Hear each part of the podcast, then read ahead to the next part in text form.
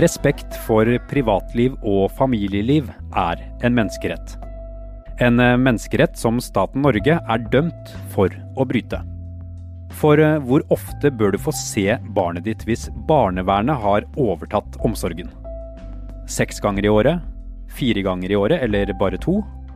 Nå vil Høyesterett sikre at menneskerettighetene ikke brytes igjen. Dette er Forklart fra Aftenposten. Jeg heter Andreas Bakke Foss, og det er mandag 10. februar.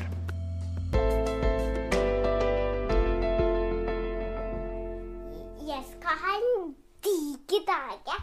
Men, men, men vet, vet du hva drager spiser? Nei. Prinsesser. Og vi har bare to prinsesser. Hva skal vi gjøre når vi har spist det, da? Gi deg ordentlig masse.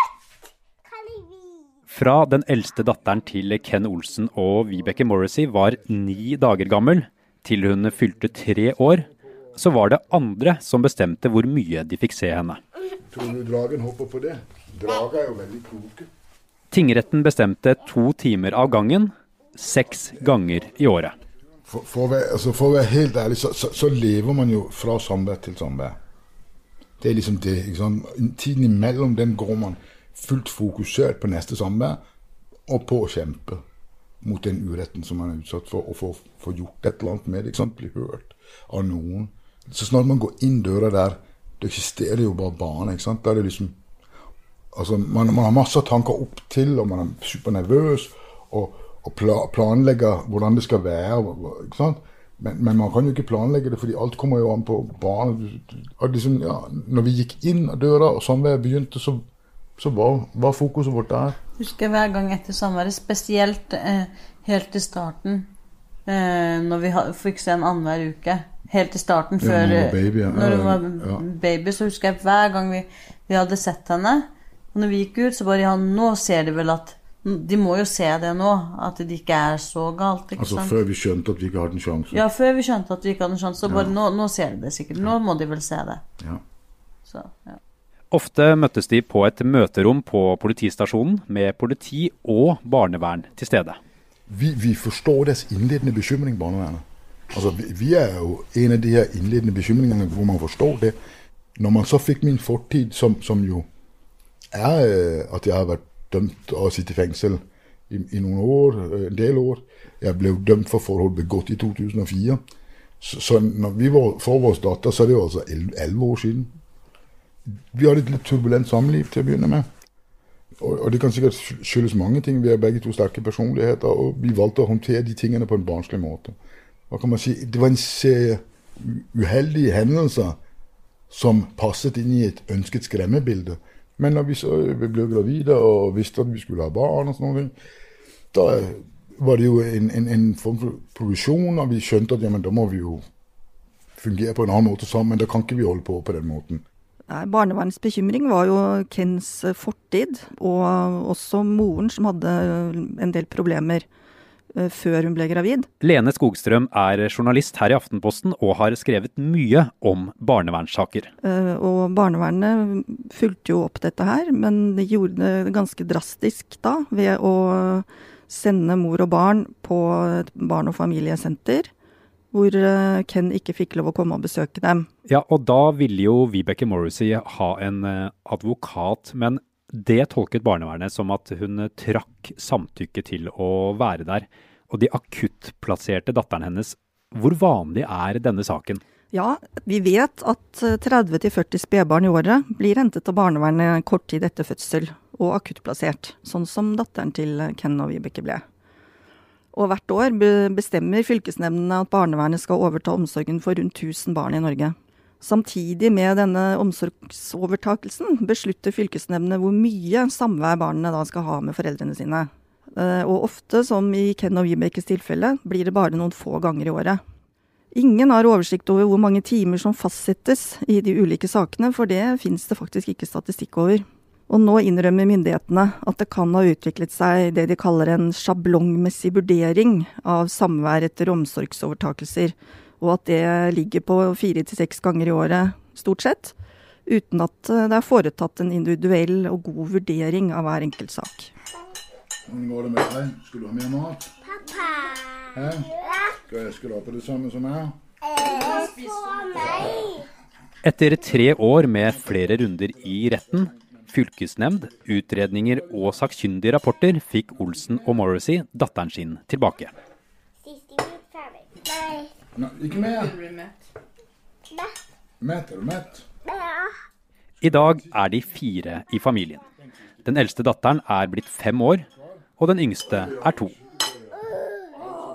Begge jentene elsker mammas gryterett. Du stemmer for meg.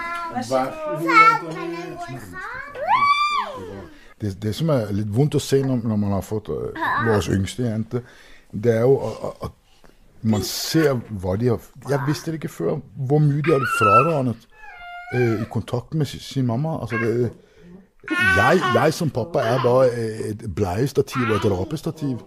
That's it. Det er det jeg fungerer som. Det er mor, mamma, barnet uh, har. Så, sånn er det bare. Altså, jeg prøver jo. Men, men min verdi er liten. Jeg får det, jeg får det hun gir meg.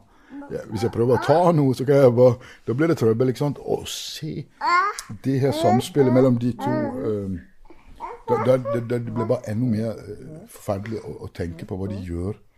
Selv om paret fikk den eldste datteren tilbake, lot de saken gå til Den europeiske menneskerettsdomstolen, forkortet EMD. Hovedsakelig fordi det er prinsipielt ekstremt viktig. Vi har ansvar for våre barns fremtid, og den skaper vi nå. Og det, det må vi rett og slett gjøre ved å endre og forbedre ting. Og vi kan ikke akseptere at det vi har gjennomgått, det vi har gjennomgått, Vi skal vite at og, det er noe galt. og opplevd det vi har opplevd, og den smerten vi har gått igjennom, og sett på de konsekvensene det stadig vekk medfører hver eneste dag når vi lever i den tilstanden. det resten av livet, tror jeg. Det er et livslangt inngrep, det her. Angrep, overgrep. Det kan ikke være sånn at andre skal oppleve det hvis vi kan forhindre det. De vil også være med til å gi den smerten vi har opplevd, en form for verdi. Til denne internasjonale domstolen i Strasbourg sendes nemlig saker der stater blir anklaget for å bryte menneskerettighetene. Og det er Norge dømt for flere ganger. Vi er straks tilbake. Lene Skogstrøm, hvordan gikk det i Menneskerettsdomstolen i Strasbourg?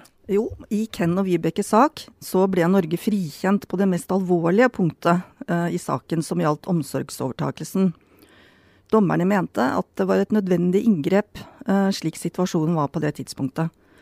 Men eh, når det gjaldt samværet som de fikk med barnet sitt etterpå, så var alle dommerne enige om at det var et brudd på menneskerettighetene å sette et så lavt antall med samværstimer. Og det var sånn at samvær først var begrenset til én time fire ganger i året. Og så ble det utvidet av tingretten til to timer seks ganger i året. Men uh, altså ikke mer enn tolv timer totalt. Så Menneskerettsdomstolen mente da at tolv timer var eh, for lite. Men hva var det de la vekt på i den vurderingen? Altså, de la vekt på at hvis det skal være utsikter til å gjenforene en familie i fremtiden, som jo samvær egentlig skal eh, bidra til, da, så kan det ikke gå for lange perioder på uker, eller til og med måneder, sånn som i dette tilfellet, mellom hver gang barnet møter foreldrene sine. Da dommen falt, sa regjeringsadvokaten at saken viser at både EMD og norske myndigheter står overfor krevende avveininger i saker som dette. Familien har også anket den delen av dommen som handlet om omsorgsovertagelsen. Den siste tiden er Norge dømt flere ganger for brudd på menneskerettighetene i barnevernssaker. Dette er jo kompliserte greier, men hvis vi tar de fire sakene nå som gikk i fjor høst, så tapte Norge øh, i disse, og foreldrene fikk medhold i at deres rett til familieliv og privatliv var krenket etter det som heter artikkel 8. Og så har det jo vært mye debatt øh, rundt dette. Og kritikerne av barnevernet de har jo skapt et bilde av at disse dommene går ut på at norsk barnevern griper inn for ofte og altfor tidlig. Men det stemmer egentlig ikke. For kritikken fra EMD går på svakheter i beslutningsprosessen i norske domstoler, fylkesnemnder og i de kommunale barnevernstjenestene. EMD spør om Norge gjør nok for å gjøre tilbakeføring til foreldrene mulig, og om beslutningene som tas er begrunnet og dokumentert godt nok. Hva er eh, blitt gjort etter disse dommene, Lene? Ja, allerede så har jo faktisk fylkesnemndene lagt om litt av praksisen, etter det vi forstår. Og barnevernet har også tatt dette til seg. Eh, I tillegg så har eh, Barne-, ungdoms- og familiedirektoratet sagt at de nå skal utarbeide en veileder om hvordan samvær skal fastsettes. Og nå er eh, både Barneombudet og direktøren for Barne-, ungdoms- og familiedirektoratet engstelige for at barnevernet skal havne i den motsatte grøften nemlig å tillate samvær som kan være skadelig for barna. For det er jo barnets beste som skal stå i fokus, og det står Norge veldig sterkt på. Det må være et ufravikelig krav, sier de, at barn ikke skal ta skade av samvær med foreldrene sine. I forrige uke var det kø utenfor dørene til Høyesterett ved regjeringskvartalet i Oslo sentrum. Journalister, jurister og andre interesserte folk har fulgt behandlingen av barnevernssakene som går for åpne dører.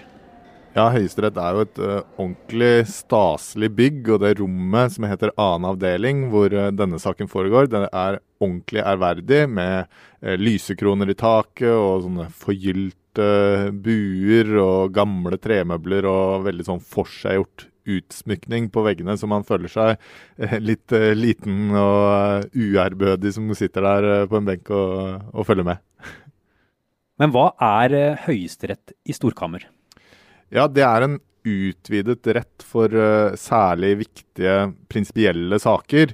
Tidligere ble disse behandlet i plenum i Høyesterett, altså med alle 20 dommere, og nå er det 11 isteden.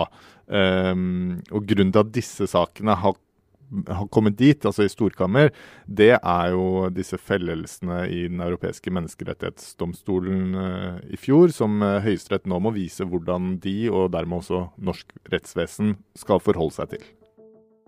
Sakene som Høyesterett tar opp nå, har ikke gått så langt som til Menneskerettsdomstolen. Men det er saker som ligner saken til Ken Olsen og Vibeke Morrissey. Ja, det er tre forskjellige saker som er til behandling. De handler om tvangsadopsjon og omsorgsovertagelse, og da hvilken rett foreldrene skal ha til samvær etter det.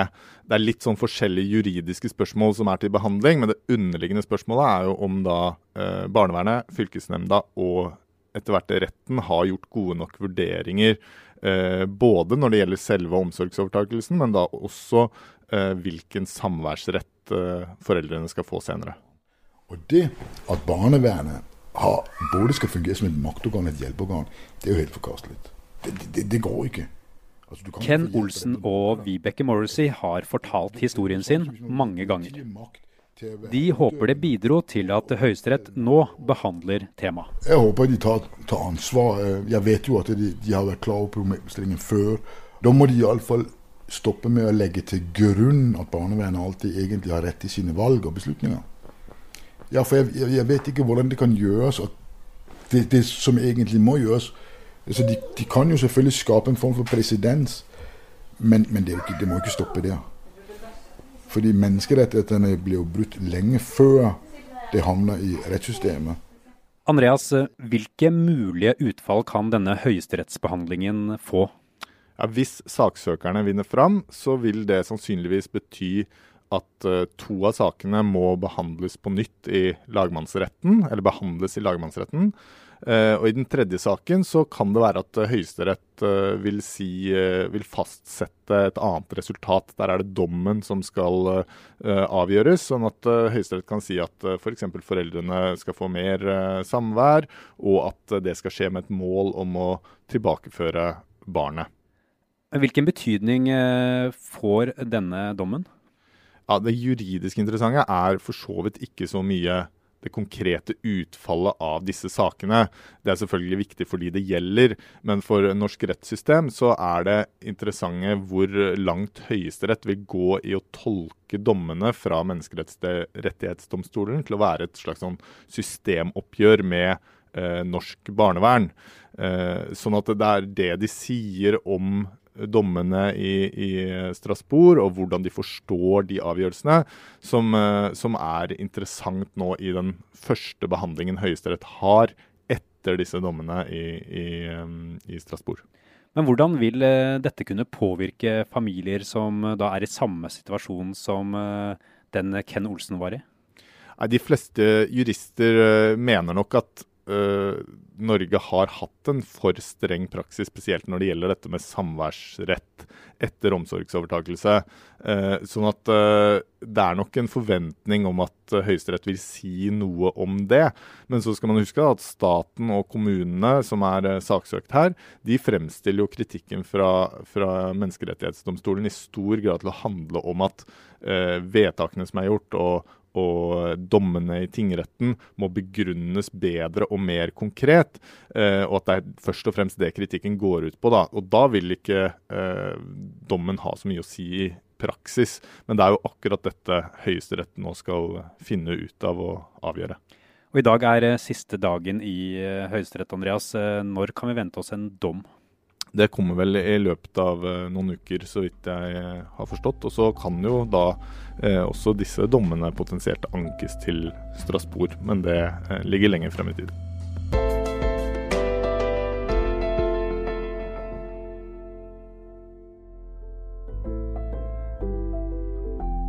Forklart lages av Caroline Fossland, Anne Lindholm, Kristoffer Rønneberg, Anders Weberg og meg, Andreas Bakke Foss.